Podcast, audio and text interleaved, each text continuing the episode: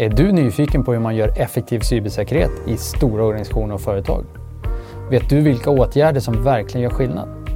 Häng med oss i Cybertalks och få svaren från våra erfarna gäster. Jag heter Rolf Rosenvinge. Välkommen! I veckans avsnitt av Cybertalks träffar Rolf Magnus Carling, CISO på Stena. I samtalet pratar de bland annat om hur det är att leda säkerhetsarbetet i ett stort konglomerat och hur både pedagogik och datadriven uppföljning är viktiga instrument för att lyckas. De pratar också om Magnus författarskap och om hur hans bok Svart kod också kan vara ett nytt sätt att öka medvetenheten i våran fråga. Hej och välkomna till dagens avsnitt av Cybertalks. Eh, mitten oktober, solen skiner, sista värmande strålarna från solen och eh, så har jag med mig en speciell gäst idag här, Magnus Karling från Stena. Välkommen! Tack så mycket! Det här är någonting som jag har sett fram emot eh, av lite olika skäl eh, och vi ska komma in på de skälen. Eh, men du är CISO för Stena, korrekt? Det stämmer det. Och eh, du är ju faktiskt också författare. Jajamän. Och det tycker jag är en otroligt eh, intressant kombination som jag tänker vi ska säkert återkomma till. Men, ehm, och temat för dagen är väl lite grann också hur det faktiskt, alltså hur CISO-rollen har utvecklats, vad CISO-rollen innebär och, och, också hur det är att vara CISO i en stor koncern i ett, och ett, faktiskt någonting som ett konglomerat, för det får man väl ändå säga att Stena är eh, på riktigt. Eh, men kanske först en liten bakgrund till dig, introduktion. Var kommer du ifrån? Hur kom intresset för säkerhet och vad, lite kanske kring rollen idag också? Mm. Ja, precis. Och jag, eh, jag började ju jobba med IT när internet eh, var en fluga, va? Alltså 1995. Uh, eh, och det är ju spännande att ha sett den utvecklingen, hur internet har förändrat allting och vår digitala resa i samhället. Um, men från början så ville jag egentligen bli lärare uh, och tyckte tekniken var kul sådär men jag var mer inne på lärarspåret. Um, men så blev det inte utan eh, jag hoppade in och eh, började jobba med nätverk och har egentligen eh, alltid haft säkerhet på agendan på ett eller annat sätt. Va? Och sen blev jag driftchef och så småningom också SISU för Stena AB ehm, och har varit på Stena länge. Vilket är ehm, 25 år va? och vilket också är kul. Um, Stena är ett otroligt spännande företag och precis som du säger så är det ett konglomerat och det är en av anledningarna till att jag tror många stannar. För att det finns så många spännande utmaningar och bolaget är i ständig förändring. Precis. Nej, men för jag tror att om vi bara, jag, jag, jag fick flera följdfrågor i, i huvudet samtidigt här, men, men Stena då, så just konglomerat, jag tror att det de alla i stort sett associerar med till först, det är kanske färjetrafik och, och rederi, men, men det finns så mycket mer.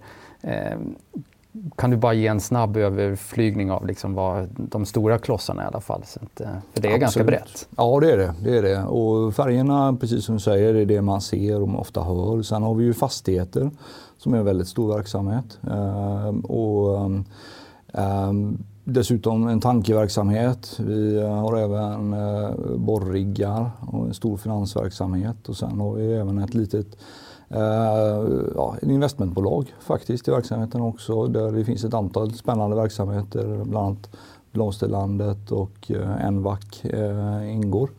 Uh, och många andra bolag. Så totalt sett så är det väldigt många olika typer av företag.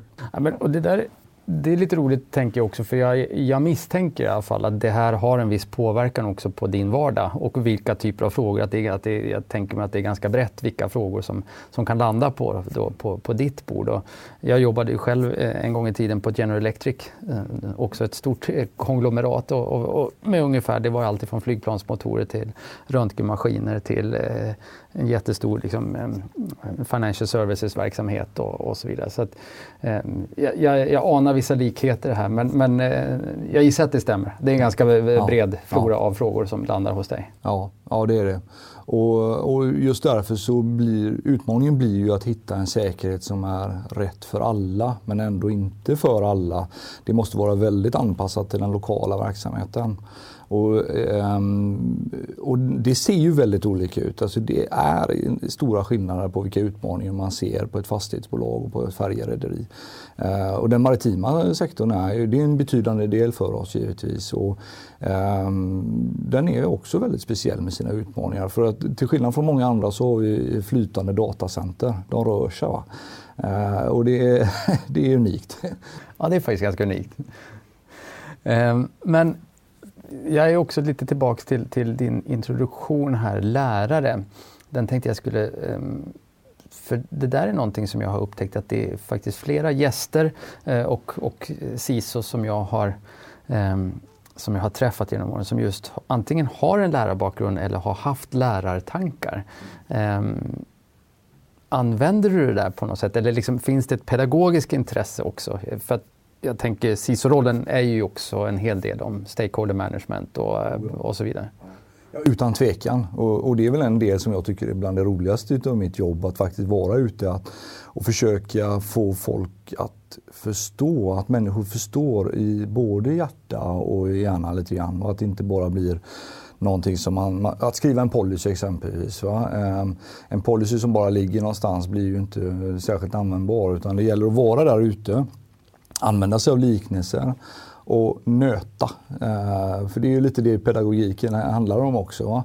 Att verkligen repetera samma budskap och, vara långsiktig. Det är ett maratonlopp, det är inte en sprint på något sätt utan det gäller att eh, hålla i och definitivt använda sig av Eh, lärartankarna. Jag, jag, jag, tror att mitt intresse för eh, att bli lärare väcktes av Döda Poeters Sällskap någonstans. Va? Det är en romantiserad bild av läraren. Men ändå just det där att kunna förändra eh, hur människor, och förändra beteenden. Det är ju det vi, det handlar om i grund och botten på något sätt. Mycket mer än tekniken skulle jag vilja säga. Ja, det där är, det där, det är, det är en bra referens. Kul att få prata om Döda poeters sällskap här i podden också. Ja. Det är That's the first, en film som jag också har sett flera gånger och, och uppskattar. Fantastisk ju. Men, men det ligger ju någonting i det där. Och det där tycker jag är lite intressant för vi har en utmaning, mitt påstående, att tekniken går väldigt fort och digitaliseringen går väldigt fort. Och vi tenderar ju att, så att säga, slänga teknik på att lösa tekniska problem.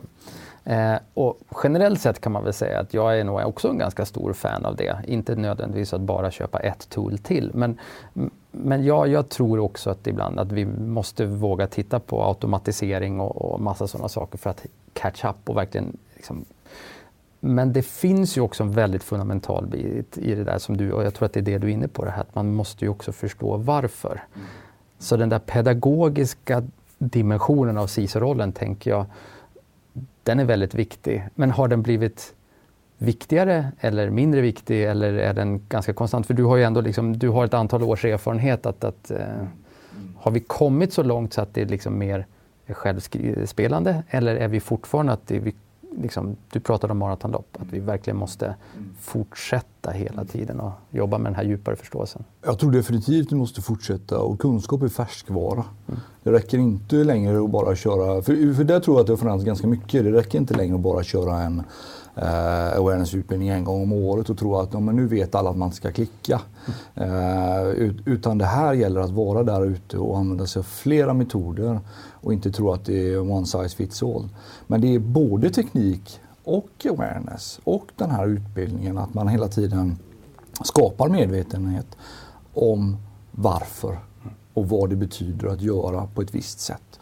Eh, så, eh, och, jag skulle nog vilja säga att eh, tyngdpunkten går mer och mer åt det hållet. För att som människor så tror jag också att vi har svårt att hantera den här enorma informationsmängden som kommer. Va?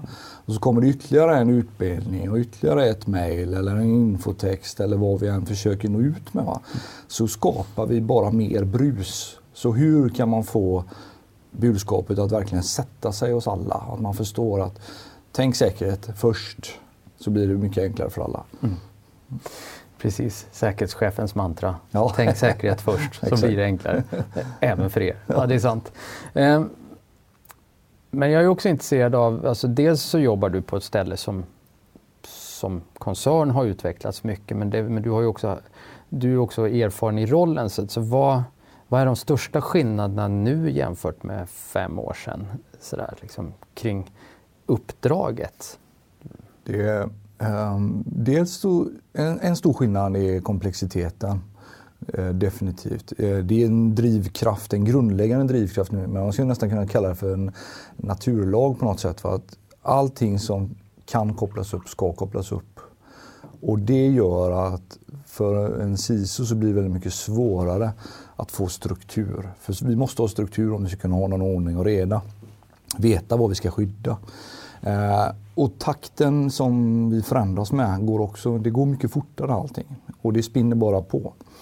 Samtidigt som skurkarna, eller den eh, andra sidan, eh, det är inte alltid skurkar heller, men de som vill åt vår mm, information eller våra pengar eller vad det än må vara. De är snabba och blir snabbare. Hittar nya modus. Så Ehm, så det tycker jag är en av de stora skillnaderna faktiskt. Att, ehm, och att kunna möta det där. Hur gör vi för att möta en accelererande föränderlig omvärld där nya hot dyker upp konstant? Och det där tycker jag är en, är en jättebra observation. Ehm, jag brukar beskriva det ungefär på samma sätt tror jag. Och jag pratar också om att det där som du beskriver, för mig, driver också egentligen två trender. Det ska bli spännande att höra om, om du ställer upp på de eh, trenderna. Den ena trenden är att det som, är, det som går att automatisera, för att det går så mycket fortare och vi har, liksom, vi har också som säkerhetspractitioners tillgång till nya digitala verktyg och möjligheter att, att faktiskt jobba på ett annat sätt. Så tror jag att det som går att automatisera, det måste vi automatisera för att hinna med. Men jag tror den andra trenden är också att vi behöver kanske lägga ännu mera tid och kraft på det att verkligen förstå några av de här liksom djupare skedena. Så jag tror att det behövs också mer mänsklig tankekraft. Och Istället för att vara någonstans där i mitten där vi så här, uh, jobbar som vi har gjort enligt en stan, vanlig process. Mm. Mm. Så jag, jag, ser egentligen att det driver åt båda de hållen, bort från någon slags mitten där man är lite automatiserad och lite manuell. Mm. mm. Låter det rimligt? Ja, jag, jag, tror du har helt rätt. Och, uh, svårigheten är, som får lägga någon form av analys ovanpå det också, är ju att i takt med att det blir mer och mer komplext och vi får lite, lite svårare hela tiden att se den här helheten så blir behovet av att bygga strukturer som vi faktiskt kan, eller förenkla den här komplexiteten. Det är också en trend som jag tror kommer och som vi även ser från myndigheternas håll. Va? Eh, det finns nog inte ett land i världen som inte har satt cybersäkerhet på agendan när det gäller att stifta nya lagar, nya krav eller regleringar på ett eller annat sätt. Va? Eh, just av den anledningen att länder är ju geografiskt begränsade men det är inte internet och det vi håller på med. Och de får svårare och svårare att överblicka helt enkelt. Mm. Ja, det där, den där pratade vi om i något annat avsnitt för inte så länge sedan. Just den här att en utmaning och, och som ju faktiskt på ett sätt både tror jag adderar till komplexiteten, även om syftet kanske egentligen just är att skapa tydligare ramverk och, och så Det är ju just precis det där som du nämnde. Jag vill, jag vill så att säga, piggybacka på, på den tanken. Att länder stiftar fortfarande lagar och ger ut ramverk som nationer. Mm. Medan väldigt många av företagen opererar globalt Exakt. och hela internet mm. är globalt mm. Mm. by default. Mm.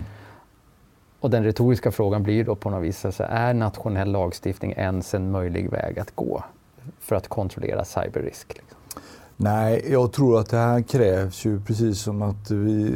I företagsvärlden har man ju börjat samarbeta sedan lång tid med de här frågorna för att man har sett utmaningarna. Och jag tror att länder måste gå mycket, mycket längre än vad de gör idag. Det finns ju en del framgångsrika samarbeten mellan länder. Eh, men, men det är långt ifrån tillräckligt och det ser vi ju på uppklarande procenten på de här brotten. Va? Det är otroligt svårt att komma åt skurkarna, så enkelt är det. Ja. Och så tänker jag, och kanske just specifikt faktiskt för en, för en koncern som Stena då, med, med som du var inne på tidigare, de, de, den maritima delen med de flytande datacentren som då rör sig över världshaven på de, mellan de här jurisdiktionerna. Så blir ju till slut, eh, tänker jag, att det är ganska svårt då för att använda maritim, svårt att navigera ja. vad, vad, som faktiskt gäller. Ja. Så att, eh, Men, men eh, också tillbaka lite grann, alltså ert huvudkontor i Göteborg. Ja. Men Global Operations i rätt så många länder. Ja, det stämmer. Hur jobbar ni, hur jobbar ni för att faktiskt kunna hantera säkerhet globalt? Mm. Och det, är, det är ett favoritämne för mig. Och just det här att, tillbaka till, ha en struktur, ett ledningssystem. Alltså det här med att ha en, ett LIS som gäller för alla som en minsta gemensamma nämnare. Det är fundamentalt. Och sen tillbaka till den gamla sanningen eh, från eh, varenda militär i världen. Va? Utan spaning, ingen aning. Vi måste veta vad vi ska skydda och, och ha koll på det och ha det uppdaterat. Um, och, men givetvis finns det ju stora utmaningar med det också. För att alla I och med att alla verksamheterna inte är likadana så är det inte helt lätt att följa ett regelverk och dessutom skriva det på ett sätt som alla kan följa. Uh, men då gäller det också att se till att det är levande och att man är ute och hämtar in kraven för den här förändliga massan som hela tiden rör sig på något sätt. Va? Jag tror att du är inne på någonting intressant här också, det här med att etablera ett om man sen gör det i, i LIS-format eller eh, det kan ju säkert vara olika. Men, men just det att ändå någonstans en gemensam bottenplatta för många ett LIS. Um, ehm, och sen sa du någonting intressant tycker jag och sen också vara ut och också säga studsa i verkligheten och få in. Um, är det en framgångsfaktor att jobba ganska, alltså ganska kollaborativt? Mm, mm. Man måste hitta sina säkerhetsambassadörer. De som redan från början brinner för de här frågorna och ta hjälp av dem för att det här ska bli någonting levande. Och man kan ju välja alla möjliga ramverk. Eh, det är egentligen inte det viktiga utan det viktiga är att man hittar en metod som fungerar för verksamheten. För i slutändan så måste vi tillbaka till att säkerhet behöver vara eh, och alltid förstå att vi är till för verksamheten. Så att strategin ska vara densamma som för verksamheten. Vilket i ett konglomerat blir en utmaning eftersom alla de här verksamheterna har ju sina egna strategier. Va? Ehm, men, men det är enda sättet att göra det. Och att, um, just det här att sitta på kammaren och uppfinna saker och ting, det är dödfött från början. Man måste ut i så många forum som möjligt och gärna kanske vara lite pushig i det också. För det är inte alltid man kan bli inbjuden överallt utan man får bjuda in sig själv. Om inte annat får bara sitta med och lyssna. Den klassiska foot in the door. Ja. Den måste användas ibland. Exakt. Ja, det är bra. Så är det. Um, och vi pratade lite här eh, innan vi satte oss också kring säkerhetsfunktionens position. Alltså att historiskt sett så på de flesta ställen så har man ju och är uppfattas som ett kostcenter. Mm. Eh, samtidigt som de flesta organisationer driver ganska kraftig och tydlig digitaliseringsagenda. Och hur jobbar ni med det där och, och hur jobbar du med det? Liksom, finns, det en, finns det en tanke, idé, vilja att någonstans också förflytta vad säkerhet är inne i koncernen och, eller hur den uppfattas som funktion, så att man blir mer affärsnära och, och hur mm. gör man det i så mm. fall? Mm. Ja, absolut. Och, och, till att börja med, så, jag har en stor fördel och jag tror att många CISO är eh, på väg åt det hållet också, att inte sitta i IT-organisationen. Utan att sitta, kanske rapportera till VD, vice VD eller som jag till Corporate Governance. För att det gör också att man kan se sig själv lite som en brygga mellan verksamhet och IT och inte befinna sig i något läger utan man faktiskt har en fot i varje sida lite grann. Va? Inte för att det alltid är motsättning, att det blir olika läger. Men, men också att återigen då kartlägga. Var befinner vi oss med spänd och var befinner vi oss med våra förmågor? Är vi nöjda med att vara på en eh, ad hoc-nivå någonstans eller vill vi vara på en eh, en optimerande nivå där vi faktiskt kan vara självförbättrande inom de förmågorna vi ser. Men, men jag tror att i slutändan så är det väldigt viktigt att just förstå och prata fakta och veta vad vi pratar om. Och att man sätter den här positionen och en väg framåt. Och, och finns det ett gap så ska man stänga det och man ska tidsätta det. Eh, och veta vilken takt som är rätt. För det är inte minst lika viktigt. va? Nej, helt sant. Och, och vi pratar om, det är någonting jag eh, har, har haft anledning att, att diskutera med, med, några av de som jag jobbar med rätt mycket senaste tiden. Det är behovet av, som de uttrycker, eller, eller uttrycket som vi eh, fastnade för tillsammans var egentligen data-driven oversight. Mm.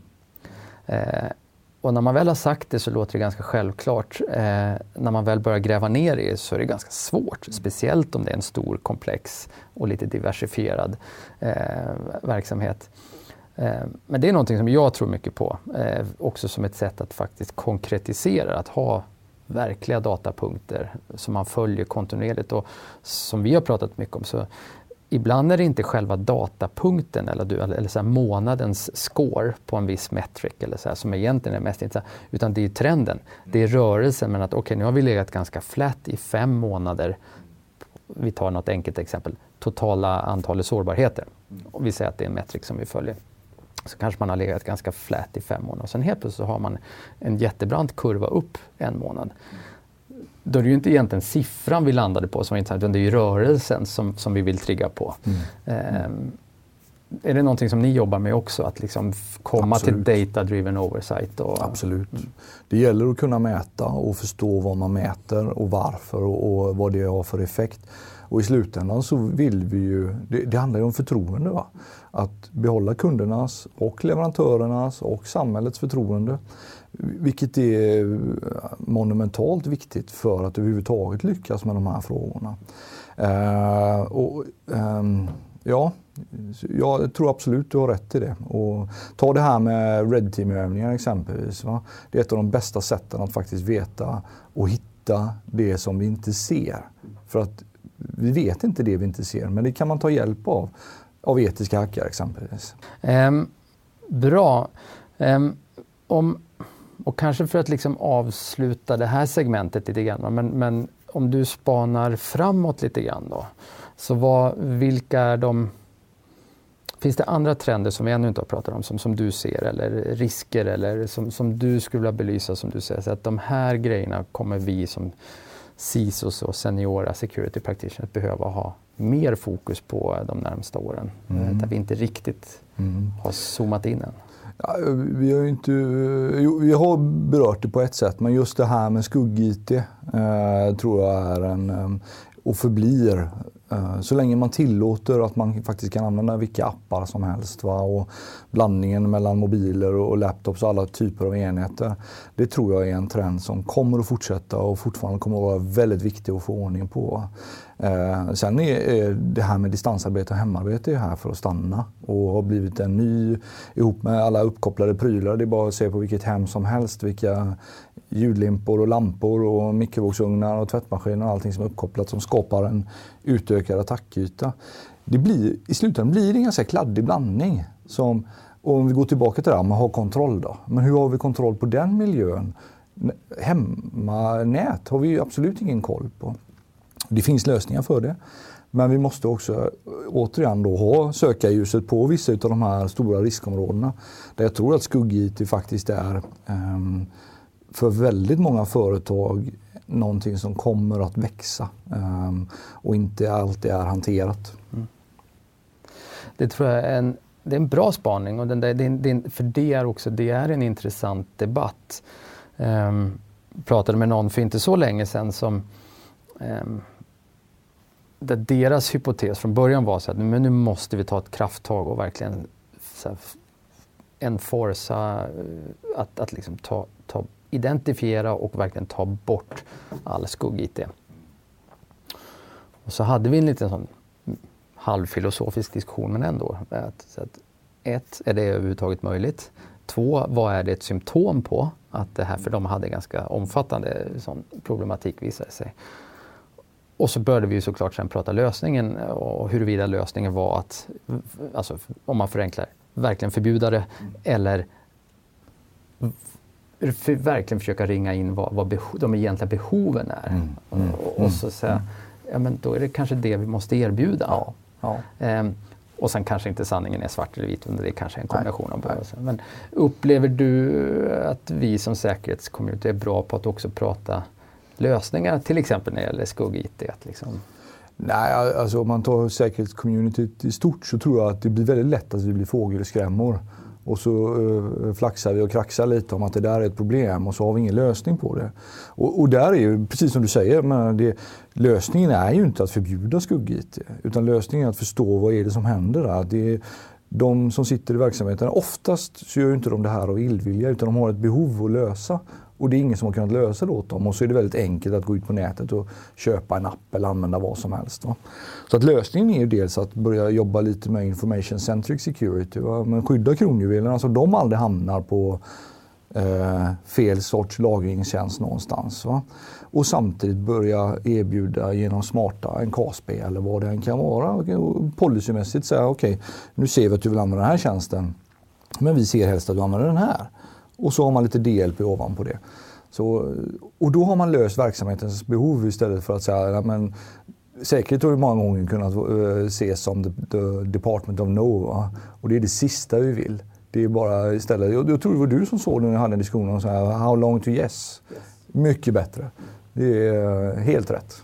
Ja, det är ju en av mina favorithistorier som eventuellt har varit uppe ett par gånger här i Cybertalks genom åren. Men, men just det, att det, det var det jag blev utmanad på eh, av, av min chef. Eh, att när jag fick eh, CISO-rollen, eh, som den första riktiga CISO-rollen som jag hade. Han sa rätt välkommen. Eh, bara så, det var, han, var, han var VD då. Så, så att, ja, men här, eh, vi, har inte, vi har inte anställt dig för att du ska bli eh, liksom, eh, snabb till nej. Utan vi har anställt dig för att du ska vara snabb till ja. Det är ja. det som är ditt jobb. Ja.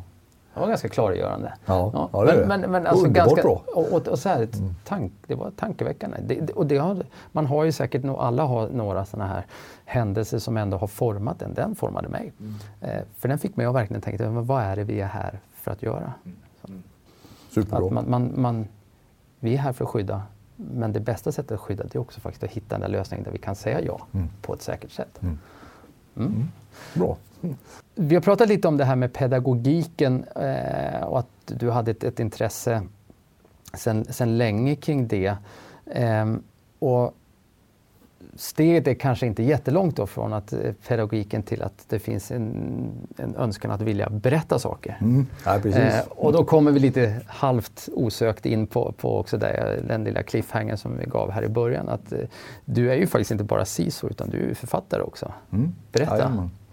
Ja, precis. Eh, jag har skrivit och fått publicerat en bok som heter Svart kod som, eh, temat i den är dels den, det ständiga eh, uppkopplade samhället så, och hur mycket vi digitaliserar men också hur sårbara vi blir. Eh, och, och, både i företagsvärlden och privat.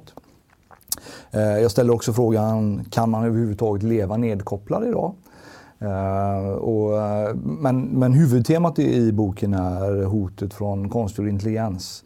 Som jag tror på riktigt är ett hot som vi inte uh, ser vidden av. Och, och, jag pratar inte om någon uh, Terminator-historia eller den typen av framtid utan vad AI kan göra, särskilt om vi når den punkt där AI inte längre bara är en specifik uppgiftslösare utan en generell intelligens som dessutom kan självförbättra sig själv. I kombination med allt annat, att vi kopplar upp allting, så, så tror jag att det är ett av de största hoten som mänskligheten faktiskt kan stå inför som kan vara eh, förödande helt enkelt. Så någonstans i, i triangeln AI, allt uppkopplat och kanske quantum computing och en del andra sådana saker så, så, eh, så kan vi hålla på att skapa något för oss själva egentligen som vi kanske inte riktigt hade tänkt. Nej, precis. Och eh, jag tror att det är väldigt svårt att överblicka det. För eh, många gånger så i den debatten så hörs det ofta att ja, men vi kan ju kontrollera vad maskinerna gör och tänker och sådär. Det är första jag tänker är bara på hur många säkerhetspatchar som kommer varje månad. Va? Om man då tror att man kan kontrollera miljoner rader kod i ett självförbättrande system. Nej, jag tror det är en utmaning. Men, men eh, så du bestäm, när bestämde du dig att skriva boken? Jag har alltid skrivit en massa. Eh, men, men den här började mogna någonstans när jag faktiskt blev CISO, den här tanken och idén. Så jag skrev den under några år och lät den ligga lite i blötläggning och träda och smälta och sådär. det, det är rätt många olika frågeställningar i den. Men, men jag färdigställde den och blev klar i ehm, ja, förra året. Eh, egentligen. Pandemin accelererade den sista delen. Där. Så. Och skönlitterär? Ja, den är skönlitterär. Och jag, tror ju, för jag vill faktiskt berätta något med den också. Och det är ju, jag tror att det är det bästa sättet att göra det. På samma sätt som när jag är ute och pratar så försöker jag använda liknelser. Och jag tror att man kan eh, få in det här budskapet eh, lite bättre genom att faktiskt... Ja, en spännande handling helt enkelt. Men, och, eh, exakt, och jag, jag tyckte nämligen att det var det är det som är det både lite ovanliga men också det spännande greppet. Att, för helt ärligt i vår bransch, vi har ju, vi, handen på hjärtat så har vi nog med, med ramverk, standarder och, och, och, best practices och manualer att, att bläddra i. Eh, men det är sällan att smacka dem i huvudet på, på våra stakeholders eh, hjälper. Min erfarenhet i alla fall. Så jag tycker också att det finns lite spännande, liksom, spännande tanke med det. Sen, alltså jag kan mm. tänka mig att någonstans finns en kombination här. du hade en önskan att vilja skriva mm. eh, mm. och få utlopp för det. Mm. Och det är ju en kreativ process och, oh ja. Eh, att, att få göra det.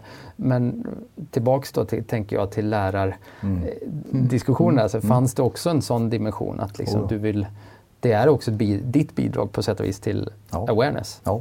Ja. Men absolut, och du har helt rätt. Alltså, säkerhet kan ju vara så tråkigt så klockorna stannar. Va? Det, det kan det faktiskt. ja. och, eh, och, det är ju vår utmaning, att göra det intressant och att man förstår varför, att det är what's in it for me. Va?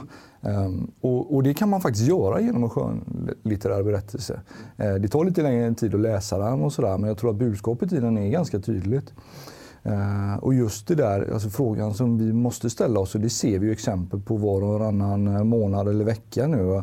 Vad händer när det stannar? Och vi inte ens kan köpa livsmedel eller vi inte ens kan tanka eller boka resor eller vad det än är. Va? Eh, den sårbarheten, kan vi leva med den? Vi är tillbaka till risk igen då.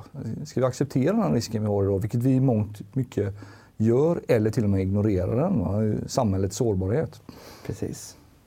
Um och boken heter Svart kod. Svart kod, ja. Eh, kommer en uppföljare också? Oh ja, absolut. Jag håller på att skriva på den nu. Så, eh, det måste jag nästan med tanke på att jag avslutar den. det är bra. Och nu har vi fått löftet här också. Ja, att... exakt. Ja, det är bara att leva upp till. jag eh, tycker att det är ett jättespännande angreppssätt och jag tycker att har man inte läst den så, så, så är det absolut någonting man ska ge sig på. Och, eh, jag tror att vi, det är nästan så att vi skulle sätta upp en liten challenge här till andra CISOs. Att, eh, för jag tänker att det här är, jag, jag, tror att det är ett ganska spännande angreppssätt på att verkligen också bidra till att förklara det, den samhällsutveckling som vi är mitt uppe i. Ja, det tror jag också och det är en bra utmaning att dela ut för att det märker ju, jag tror jag både du och jag när vi pratar med andra CISOs att det finns otroligt mycket berättelser där ute om allt som händer på företag och i samhället och att väva ihop det och att få ut någon sorts budskap med den historien eller berättelsen som man faktiskt sitter på. Eh, och, och, jag har redan haft eh, den typen av diskussioner, med flera som faktiskt, ja men det kanske man ska göra. Va?